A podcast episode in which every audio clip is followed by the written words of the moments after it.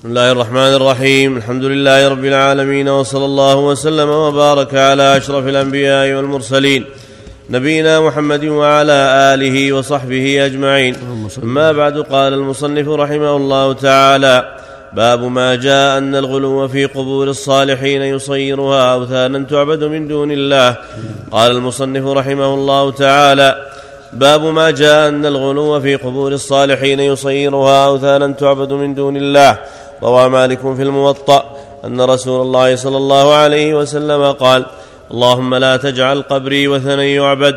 اشتد غضب الله على قوم اتخذوا قبور أنبيائهم مساجد.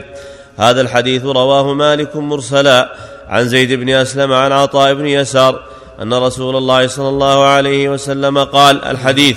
ورواه ابن أبي شيبة في مصنفه عن ابن عجلان عن زيد بن أسلم به ولم يذكر عطاء. ورواه البزار عن زيد عن عطاء عن أبي سعيد الخدري مرفوعا وله شاهد عند الإمام أحمد بسنده عن سهيل بن أبي صالح. ورواه البزار. ورواه البزار عن زيد عن عطاء عن أبي سعيد الخدري مرفوعا. نعم. وله شاهد عند الإمام أحمد بسنده عن سهيل بن أبي صالح عن أبيه عن أبي هريرة رضي الله عنه رفعه اللهم لا تجعل قبري وثنا لعن الله قوما اتخذوا قبور أنبيائهم مساجد. اللهم صل قوله روى مالك في الموطأ هو الإمام مالك بن أنس بن مالك بن أبي عامر بن عمرو الأصبحي أبو عبد الله المدني إمام دار الهجرة وأحد الأئمة الأربعة وأحد المتقنين للحديث حتى قال البخاري أصح الأسانيد مالك عن نافع عن ابن عمر مات سنة تسع وسبعين ومائة وكان مولده سنة ثلاث وتسعين وقيل أربع وتسعين. قال الواقدي بلغ تسعين سنة. قوله اللهم لا تجعل قبري وثنا يعبد. قد استجاب الله دعاءه كما قال ابن القيم. المؤلف يكون عمره ستة, ستة وثمانين. ولد سنة ثلاث وتسعين ومات سنة تسع وسبعين. فسبع مع تسع وسبعين ستة وثمانين. يقول الواقدي معناه أنه كمل التسعير رحمه الله. نعم. قوله واللهم لا تجعل قبري وثنا يعبد نعم. قد استجاب الله دعاءه كما قال ابن القيم رحمه الله. فأجاب رب العالمين دعاءه وأحاطه بثلاثة الجدران حتى غدت أرجاؤه بدعائه في عزة وحماية وصيان. ودل الحديث على أن قبر النبي صلى الله عليه وسلم لو عبد لكان وثنا لكن حماه الله تعالى بما حال بينه وبين الناس فلا يوصل إليه. ودل الحديث على أن الوثن هو ما يباشره العابد من القبور والتوابيت التي عليها وقد عظمت الفتنة بالقبور بتعظيمها وعبادتها. كما قال عبد الله بن مسعود رضي الله عنه كيف أنتم إذا لبستكم فتنة يهرم فيها الكبير؟ وينشأ فيها الصغير. تجري على الناس يتخذونها سنة. إذا غيرت قيل غيرت السنة انتهى. ولخوف الفتنة نهى عمر رضي الله عنه عن تتبع آثار النبي صلى الله عليه وسلم. قال ابن وضاح سمعت عيسى بن يونس يقول أمر عمر بن الخطاب بقطع الشجرة التي بويع تحتها النبي صلى الله عليه وسلم فقطعها. لأن الناس كانوا يذهبون فيصلون تحتها فخاف عليهم الفتنة. وقال المعرور بن سويد صليت مع عمر بن الخطاب بطريق مكة صلاة الصبح ثم رأى الناس يذهبون مذاهب فقال أين يذهب هؤلاء؟ فقيل يا أمير المؤمنين مسجد صلى فيه النبي صلى الله عليه وسلم فهم يصلون فيه. فقال إنما هلك من كان قبلكم بمثل هذا.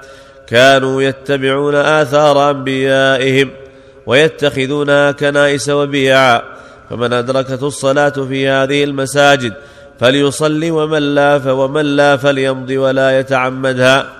وفي مغازي بن إسحاق من زيادات يونس بن بكير عن أبي خلدة خالد بن دينار حدثنا أبو العالية قال لما فتحنا تستر وجدنا في بيت مال الهرمزان سريرا عليه رجل ميت عند رأسه مصحف فأخذنا المصحف فحملناه إلى عمر فدعا له كعبا فنسخه بالعربية فأنا أول رجل قرأه من العرب قرأته مثل ما أقرأ القرآن فقلت لأبي العالية ما كان فيه قال سيرتكم وأموركم ولحون كلامكم وما هو كائن بعد قلت فما صنعتم بالرجل؟ قال حفرنا له بالنهار ثلاثة عشر قبرا متفرقة فلما كان بالليل دفناه وسوينا القبور كلها لنعميه على الناس لا ينبشونه. قلت وما يرجون منه؟ قال كانت السماء إذا حبست عنهم برزوا بسريره فيمطرون. فقلت من كنتم تظنون الرجل؟ قال رجل يقال له دانيال. فقلت, فقلت منذ كم وجدتموه مات؟ قال منذ ثلاثمائة سنة.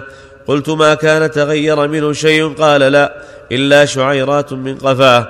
إن لحوم الأنبياء لا تبلي الأرض. والمقصود من هذا كله التحذير من الغلو في قبور الصالحين. وهذا الذي نهى عنه النبي صلى الله عليه وسلم وقع. وهذا من علامات النبوة فإن الناس إلا من رحم الله غلوا في قبور الصالحين وبنوا عليها القباب والمساجد ووقع الشرك الذي فعله اليهود والنصارى. النبي صلى الله عليه وسلم حذر من سيرتهم. قال لعن الله اليهود والنصارى اتخذوا قبور أنبيائهم مساجد. قال ألا وإن من كان قبلكم كانوا يتخذون قبور قبور أنبيائهم وصالحيهم مساجد. ألا فلا تتخذوا مساجد فإني أنهاكم عن ذلك. وقال في النصارى كان إذا مات فيهم الرجل الصالح بنوا على قبره مسجدا وصوروا في تلك أولئك شرار الخلق عند الله. فالواجب على الأمة الحذر من هذا. فالأنبياء والصالحون يصلى على الأنبياء ويترضى عن الأولياء ويدعى لهم لكن لا يتخذ قبورهم أوثانا ولا يبنى عليها ولا يسألون من دون الله ولا يستغاث بهم ولا من بعيد ولا من بعيد عن قبورهم. العبادة حق الله وحده فلا يدعى إلى الله ولا يستغاث إلا بالله ولا يبنى على القبور ولا يتخذ على قباب ولا المساجد كل هذا من وسائل الشرك. وقد وقع هذا البلاء في مصر والشام والعراق وفي بلدان كثيرة وكان في الجزيرة هنا أيضا كذلك. كان في جبيلة المعروفة قبة الدرعية. كان في قبر زيد بن الخطاب كان عليه قبة فهدمها الشيخ محمد رحمه الله في, وقت ولايته.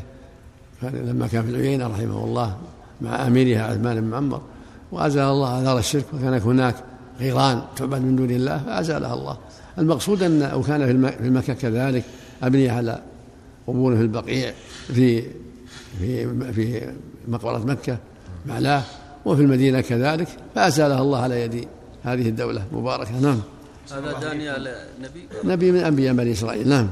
الله إليكم من نشأ أحسن إليكم في بلاد تعظم القبور وما يعرف إلا هذا. هل يكون معذور؟ ما هو معذور. عليه يسأل. إذا كان بلغه القرآن بلغه السنة. الله قال هذا بلاغ للناس. لينذركم به من بلغ. الإنسان يسأل ويفهم ويتعلم. نعم. الله عملك يا شيخ. قصة دانيال دي صحيحة؟ الله أعلم. نعم. نعم. قال ابن القيم ففي هذه القصة ما فعله المهاجرون والأنصار من تعمية قبره صلى الله عليه وسلم لئلا يفتتن به ولم يبرزوه للدعاء عنده والتبرك به. ولو ظفر به المتأخرون لجالدوا عليه بالسيوف ولعبدوه من دون الله.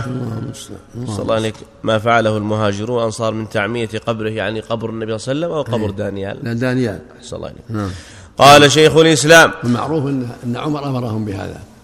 أمرهم أن يحفروا عدة قبور ثم يدفن ثلاثة ثم يدفن واحد منها ثم يعمها كلها. نعم. نعم. قال شيخ الإسلام. وهو إنكار منهم لذلك فمن قصد بقعة يرجو الخير بقصدها ولم يستحب الشارع قصدها فهو من المنكرات. وبعضهم أشد من بعض سواء قصدها ليصلي عندها أو ليدعو أو ليدعو عندها أو ليقرأ عندها أو ليذكر الله عندها أو لينسك عندها بحيث يخص تلك البقعة بنوع من العبادة التي لم يشرع تخصيصها به لا نوعا ولا عينا. لأن هذا من وسائل الشرك ولهذا أمر عمر رضي الله عنه بقطع الشجرة التي بويع تحتها لئلا تعبد وتتخذ وثن وكذلك نهى من قصد المساجد التي صلى فيها النبي صلى الله عليه وسلم. وقال من يعني حانت الصلاة وهو مار بها صلى. أما أن تقصد فلا. إلا الشيء اللي اتخذه النبي على مسجد مثل ما عتبان صلى في محل يتخذه مسجدا لا بأس. أما شيء مر به وصلى فيه عابرا لم يقصد اتخاذه مسجدا فلا. فلا يتبع ولا تتبع آثار الأنبياء آثار مناخ مطيته أو آثار محل مصلاه أو آثار محل نومه. كل هذا من من عمل اليهود والنصارى. ما كان يفعله ابن عمر بارك الله فيكم هذا غلط من, من أغلاط ابن عمر رضي الله عنه. الله نعم. قصد المساجد السبعة التي في المدينة. كذلك لا أصل لها. لا أصل لها. أحسن عملك. قصد ذو الحليفة لقول النبي صلي في هذا الوادي المبارك. هذا سنة عند الإحرام. إذا كان قصد لغير هذا لي- تأسيا بالنبي صلى الله عليه وسلم. عند الإحرام بس خاصة آه. زيارة غار حراء بالنسبة للحجاج بعض الحجاج باطل ما لها أصل ولا غار ثور كلها باطل. بدعة. آه. من وسائل الشرك. إلا أن ذلك قد يجوز بحكم الاتفاق لا لقصد الدعاء فيها كمن يزورها ويسلم عليها. ويسأل الله العافية له وللموتى كما جاءت السنة به. وأما تحري الدعاء عندها بحيث يستشعر أن الدعاء هناك أجوب منه في غيره فهذا هو المنهي عنه انتهى ملخصا. قوله اشتد غضب الله على قوم اتخذوا قبور أنبيائهم مساجد ففيه تحريم البناء على القبور وتحريم الصلاة عندها وأن ذلك من الكبائر وفي القرى للطبري عن أصحاب مالك عن مالك أنه كره أن يقول زرت قبر النبي صلى الله عليه وسلم وعلل ذلك بقوله صلى الله عليه وسلم اللهم لا تجعل قبري وثنا يعبد الحديث كره إضافة هذا اللفظ إلى القبر لئلا يقع التشبه بفعل أولئك سدا للذريعة قال شيخ الإسلام ومالك قد أدرك التابعين وهم أعلم الناس بهذه المسألة فدل ذلك على أنه لم يكن لم يكن معروفا عندهم ألفاظ زيارة قبر النبي صلى الله عليه وسلم. إلى أن قال وقد ذكروا في سل- سلمت على النبي صلى الله عليه وسلم ولكن لا حرج. إذا كانت الزيارة الشرعية لا حرج. إذا قال زرته أو قال سلمت على النبي أو على صاحبه لا بأس. الأمر كانوا يستعملون السلام إذا دخلوا المسجد. في بعض الأحيان سلموا على النبي وعلى صاحبه. وإذا سمي زيارة فلا حرج المن- المن- المنهي عنها شد الرحال. أما إذا سلم عليه من غير شد الرحال وهو في المدينة أو جاء المدينة وصلى في المسجد ثم سلم على النبي فهذا سنة. نعم. صلى الله إليك أول ما يشرع للداخل. صلي تحية المسجد. يصلي ثم يسلم على النبي وعلى صاحبه. نعم. لكن اللفظة أحسن عملك ما هي منكرة؟ نعم لكن اللفظة ليست منكرة؟ ما هي منكر الرسول قال زوروا القبور فإن ذكركم الآخرة. نعم. مم. سماها زيارة. صلى الله عليه وسلم. نعم. إلى أن قال وقد ذكروا في أسباب كراهته لأن يقول زرت قبر النبي صلى الله عليه وسلم لأن هذا اللفظ قد صار كثير من الناس يريد به الزيارة البدعية وهي قصد الميت لسؤاله ودعائه والرغبة إليه في قضاء الحوائج ونحو ذلك مما يفعله كثير من الناس فهم يعنون بلفظ الزيارة مثل هذا وهذا ليس بمشروع باتفاق الأئمة. يعني حمل كلام مالك على هذا المعنى كلام حسن حمل على هذا المعنى. وإلا فالزيارة الشرعية إذا كان من غير شد رحل زيارة القبور سنة. نعم. فكره مالك أن يتكلم بلفظ مجمل يدل على معنى فاسد بخلاف الصلاة عليه والسلام فإن ذلك مما أمر الله به. أما لفظ الزيارة في عموم القبور فلا يفهم منها. مثل هذا المعنى ألا ترى إلى قوله فزوروا القبور فإنها تذكركم الآخرة. مع زيارته لقبر أمه فإن هذا يتناول قبور الكفار. فلا يفهم من ذلك زيارة الميت لدعائه وسؤاله والاستغاثة به ونحو ذلك مما يفعله أهل الشرك والبدع. بخلاف ما إذا كان المزور معظما في الدين كالأنبياء والصالحين. فإنه كثيرا ما يعنى بزيارة قبورهم هذه الزيارة البدعية الشركية. فلهذا كره مالك ذلك في مثل هذا وإن لم يكره ذلك في موضع آخر ليس فيه هذه المفسدة انتهى. نعم. زيارة القبور تعم زيارة نعم. المشركين والمسلمين. بعده؟ نعم. وفيه أن النبي صلى الله عليه قبر وسلم المشركين للاعتبار يعني مثل ما زار النبي قبر أمه للاعتبار مو للسلام. ليتعي ويتذكر اللهم صل نعم. زيارة قبور الكفار يعني للاعتبار ما في السلام نعم. أحسن الله إليك اللي ينازعون في زي شد الرحل لزيارة قبر النبي صلى الله عليه وسلم. هذا في بأن الدليل لا تشد الرحال إلا إلى ثلاثة مساجد. قال لو أخذ هذا على على التفسير أو على إطلاقه لكان منه منع شد الرحل في طلب العلم والتجارة والطب هذا. المقصود البقعة. البقعة. لا تشد الرحال لبقعة إلا إلى مو مراد يعني فيه مقدر لا. تشد الرحال لبقعة أو لمسجد إلا إلى المساجد. وأما شد الرحال للقبور أو شد الرحال لل- للتجارة أو لزيارة الأصحاب والأقارب ما فيها شيء. نعم. أحسن الله إليك أو شد الرحال ليزور أخا له في الله أو يعزي في ميت له وما أشبه لا شيء.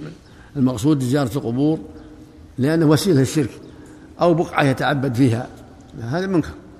أما شد الرحال لمصالح أخرى تجارة بيع وشراء زيارة بعض الأقارب لا حرج في ذلك. أحسن الله إليك. رجل يا شيخ في عيد الأضحى وعيد الفطر يشد الرحال لزيارة قبر أمه ويدعو لها. ما ما يجوز هذا. لا يجوز يشد الرحال للقبور لا قبر أمه ولا غير قبر أمه. الدعاء لها يا شيخ. يدعو لها في البيت في بيته في المسل في المسجد. مو بسيد الرحال.